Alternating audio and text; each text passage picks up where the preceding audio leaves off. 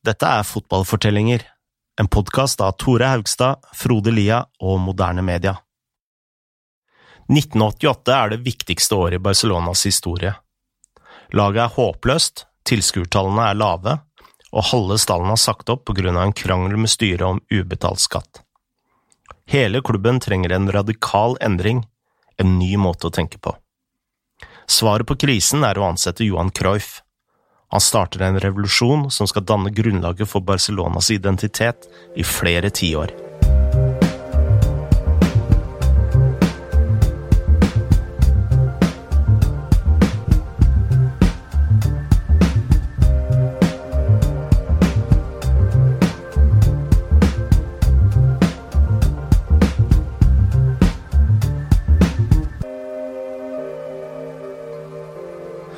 Tore, i forrige episode snakket vi om laget til Real Madrid. Denne unge, artistiske gjengen. Eh, som også vant eh, fem ligatitler på rad. Mm.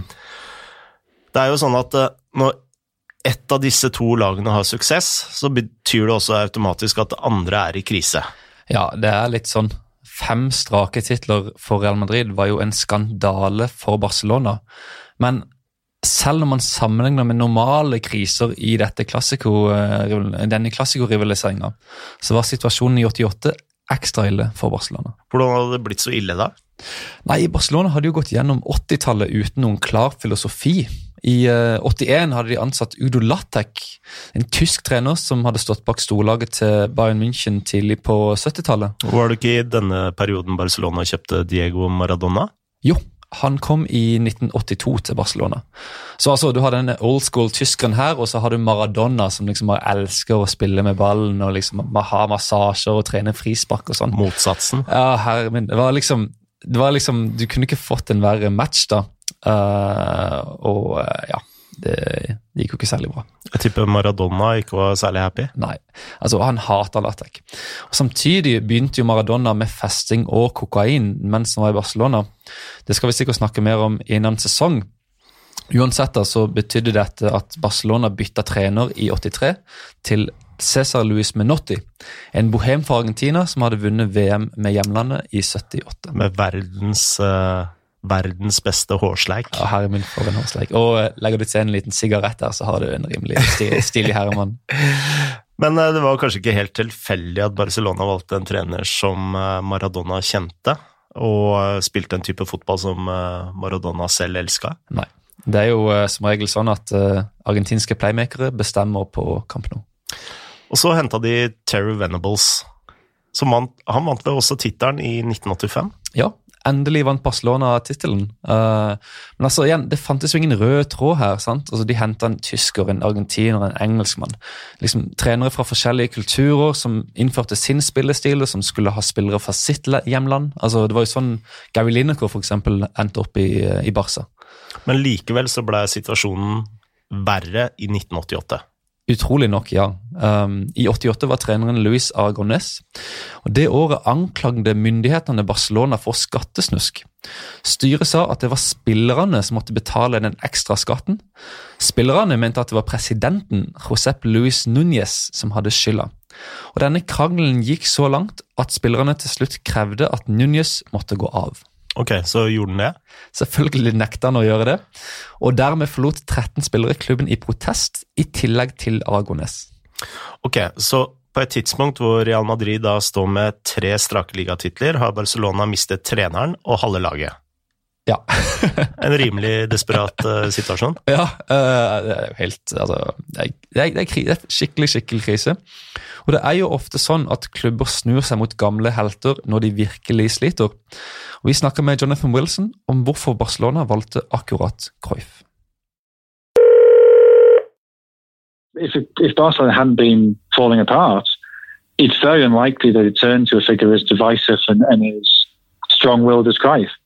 But at the time, you know, they, they needed this returning hero. They needed somebody who would would you know en, enrapture fans immediately, and that, that's what Christ did.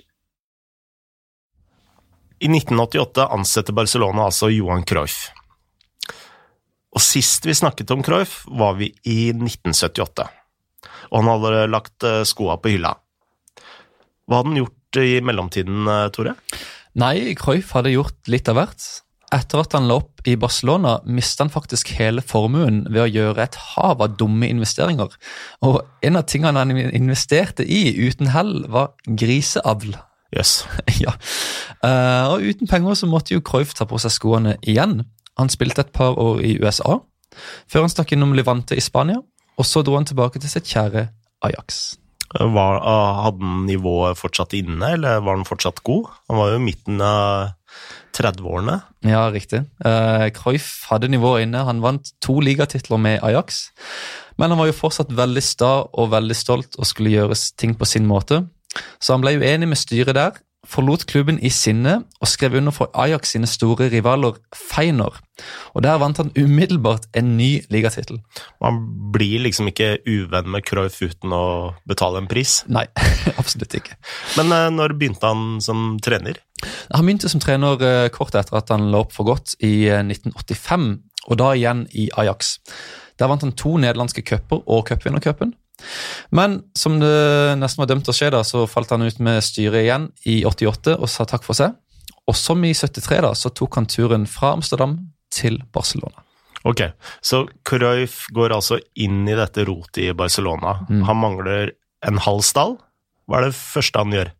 Han må jo kjøpe spillere, så han begynner med et par hardtarbeidende spanjoler. da.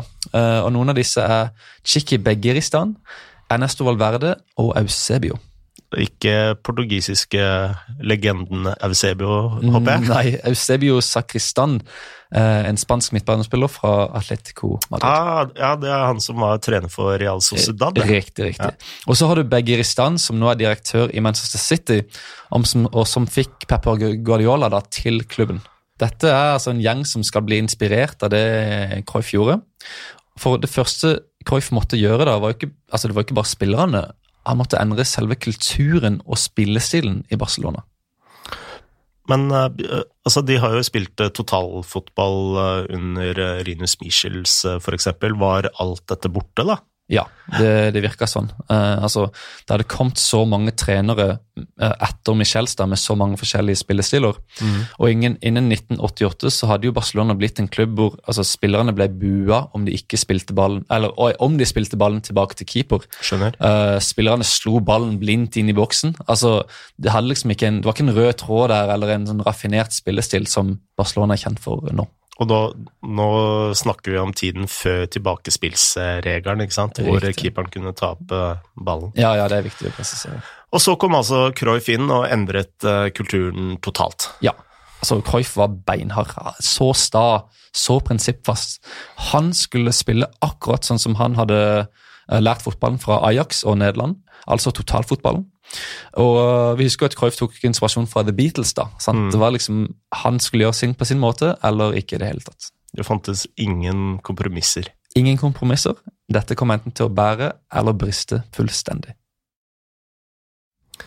Når Cruyff begynner å innføre sin spillestil i Barcelona, lærer han spillerne helt spesielle prinsipper. Cruyffs versjon av totalfotballen handler om høyt press og mye ballbesittelse. Hvordan fungerte dette i praksis, Tore? Ja, så I korte trekk så var det jo en litt eldre versjon av den fotballen som Manchester City spiller nå. Det var veldig offensivt, intensivt og ikke minst veldig ambisiøst.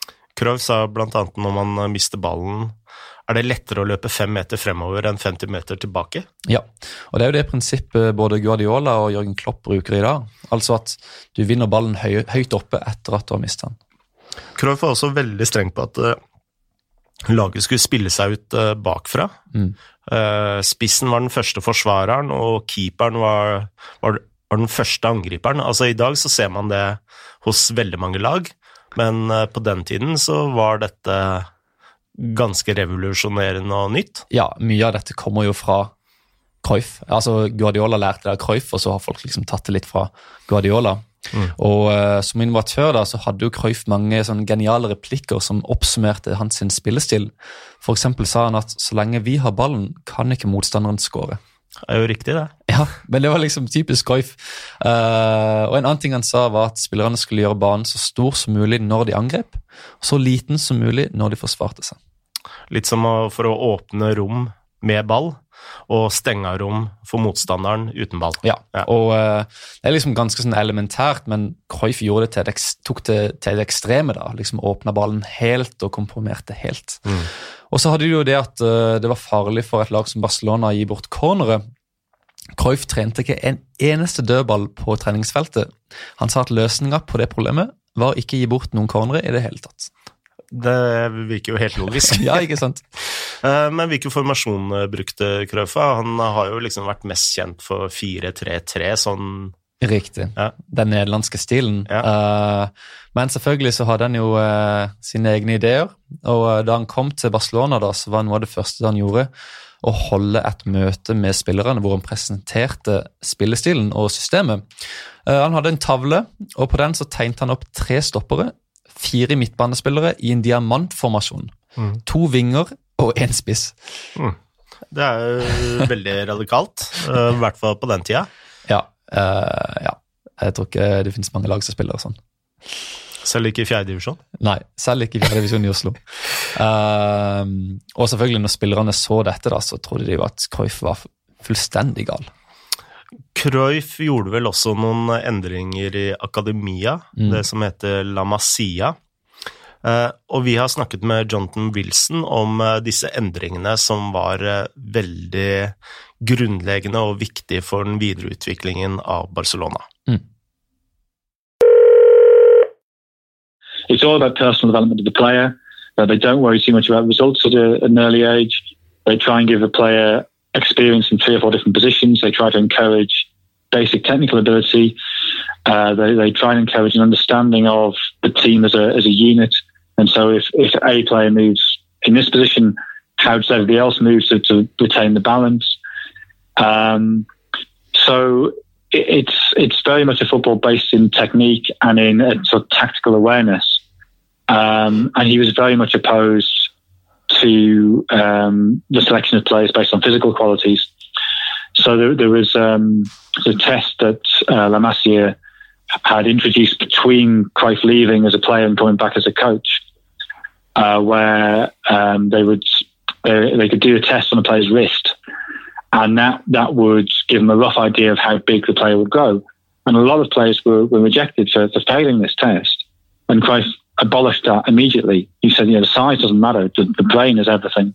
And again, Guardiola is a great example of that. That he went to watch Guardiola play in a, in a, um, a youth team game, and Guardiola was on the bench, and he said, "Well, I've been told all this great stuff about Guardiola. Why, why isn't he playing?" And the coach said, "No, it's going to be a physical game today. You know, we we want we wanted a bigger player in there." And Cruyff said, "You know, no, that's that's just not how we do things. I don't care how big the player is. Does he understand how to move on the pitch? Does he understand where to move on the pitch? Does he understand where to pass the ball?"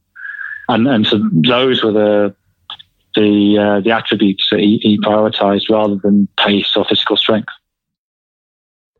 Cruyff vil altså ha spillere som har teknikk, som kan eh, posisjonere seg på banen og ta de riktige valgene. Det er viktigere å være smart enn å være sterk. Og Guardiola er et eh, perfekt eksempel på det, Tore. Ja. Guardiola var både spinkel og langsom. Da han, debuterte for Barcelona, sa Cruyff faktisk at Guardiola hadde beveget seg treigere enn bestemora hans. Ouch. Det er ikke det du har lyst til å høre etter debuten på A-laget. Men Guardiola var jo veldig kjapp i hodet, og, når han, og altså, han nådde jo A-laget fordi Cruyff skapte en spillestil hvor sånne type spillere kunne dominere. Og på hvilken måte gjorde han det? Nei, det handla jo om avstanden mellom lagdelene, da. Og dette var jo det samme som liksom Guardiola gjorde med Savi og Iniesta Mm. senere. Um, har du liksom Er det Hawaii-fotball og ballen flyr frem og tilbake, og det er stor strekk i lagdelene, så er jo disse spillerne veldig dårlige. Mm. Men uh, hvis laget står høyt og er samla, og Guardiola kun trengte å forsvare seg på små områder, Mm. så kommer han til å klare seg ganske bra. Men det hjalp at eh, Barcelona nesten alltid hadde ballen, tenker jeg. Guardiola var jo en av de beste dypliggende playmakerne fotballen har sett. Ja, det, det er helt riktig. Men dette var jo en krevende spillestil. Man skal presse høyt, timingen og presisjonen i pasningsspillet skal være nærmest perfekt. Mm. Uh, og i tillegg, Cruyff hadde jo knapt erfaring som trener. Hvordan klarte han å lære spillerne alt dette, og overbevise dem, eh, ikke minst? Nei, Cruyff hadde jo uh, spilt i USA, da. Uh, og der har lagene veldig mange spesialister. Du har f.eks. en fyr som tar seg utholdenhet, en som tar seg styrketrening, en tar mm. dødballer, du har en egen psykolog osv. Så, videre. så Cruyff brukte slike spesialister for å kompensere for det han ikke kunne selv? Nettopp. Ja. Han sa til fitnesstreneren at du har ansvaret for at spillerne kan løpe i 90 minutter. Klarer du ikke det, så finner jeg bare noen som kan det. Jeg har også lest at Cruyff en gang ansatte en operasanger for å hjelpe spillerne med pusteteknikk. Ja, det stemmer. det stemmer. Altså, eh, han var veldig innovativ, og disse spesialistene gjorde jo at Cruyff kunne holde på med det han kunne bedre enn noen andre, nemlig teknikk og taktikk. Omtrent alt Cruyff brukte tid på, var hvordan spillerne skulle motta ballen, hvordan kroppen skulle være posisjonert, hvordan de kunne få bedre i pasningsvinkelen i visse situasjoner, osv. Mm. Men dette Det er vel få som kunne forklare dette bedre enn Cruyff. Han var jo tross alt uh, mesteren på dette. Ja, ikke sant. Altså Visstnok ble Cruyff med på øktene selv av og til, og uh, spillerne sier at han fortsatt var bedre enn uh, alle de andre. Var det noen uh, spesielle øvelser han pleide å bruke på treningsfeltet? Ja, de spilte mye på små baner, sånn at spillerne kunne terpe pasninger, bevegelse og få touch, og det å liksom bevege seg innenfor små flater. Og Målet da var jo at Barcelona skulle tre seg gjennom motstanderne med disse kjappe kombinasjonene. Det er vel altså dette som kalles positional play på, på godt engelsk. Mm. Uh, og det er vel litt av dette pasningsspillet som City blant annet mestrer så godt, når ballen går på ett touch og det ser ut som de har en spiller mer. Ja, dette er liksom Cruyff sin fotball i en perfekt verden. Og dette selvfølgelig igjen, Guardiola lærte dette fra Cruyff. Og som navnet hinter til, da, så handler dette om avstanden mellom spillerne. At de beveger seg i riktig rom, at, de spiller, eh, at en spiller hele tida er ledig i mellomrommet, osv. Mm. Hvor hadde Cruyff uh, fått disse ideene fra? Nei, garantert mye fra Michel, selvfølgelig. Men uh, Cruyff var jo også en mattenerd. Han elska tall og geometri. Og hvis du tenker litt på det, så går jo dette ganske mye igjen i fotballen. Mm. Altså Hvilke pasningsvinkler må spillerne skape, hvor langt unna bør de ligge hverandre. Og Cruyff brukte enormt mye tid på å korrigere disse små detaljene. Altså Selv om en spiller sto feil med en liten halvmeter, så gikk mm. han liksom inn og sa at nei, du må stå her. Jeg har hørt at eh, Cruyff ikke likte skolen spesielt, eh, spesielt godt. Hvorfor var han så flink i matte da? Nei, det er faktisk litt morsomt. Um, da Cruyff var liten, hjalp han foreldrene sine uh, som solgte grønnsaker. Uh, og det var liksom hans jobb å regne ut uh, betaling og veksling og sånne ting. da. Men han var jo veldig liten når han gjorde dette, og han var faktisk så lav at han ikke rakk opp til kassa. Mm. Og Det betydde at han måtte lære seg alle disse summene i hodet sjøl som gjorde at han ble veldig god til å kalkulere tall og vinkler. Ok, Så, så hvis Krøf hadde vært litt høyere, eh, så kan det være at eh, Barcelonas spillestil aldri hadde eksistert? ja, ja du, okay. kan, du, kan, si det sånn.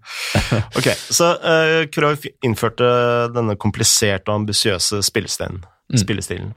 Fungerte den? Nei, ikke i starten. Uh, som vi har sett, var det jo Real Madrid som vant ligaen i 89 og 90 med La Quinta del Butre. Mm. Dette betydde jo at Cruyff sto i fare for å miste jobben før cupfinalen i 1990. Men den vant eh, Barcelona 2-0. Mot Real Madrid, vel å merke. Riktig. Ja. Og den triumfen ble altså springbrettet for det som skulle bli kjent som drømmelaget.